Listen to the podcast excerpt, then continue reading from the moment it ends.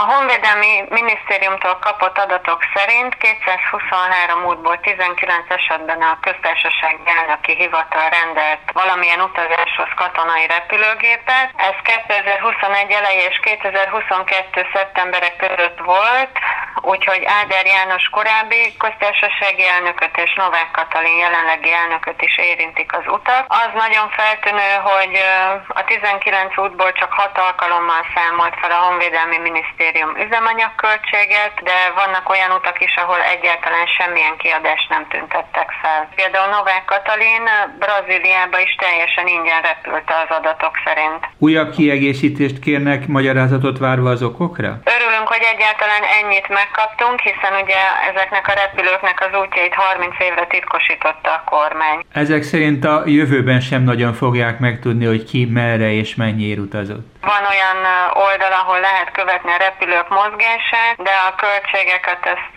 szisztematikusan titkolják sajnos.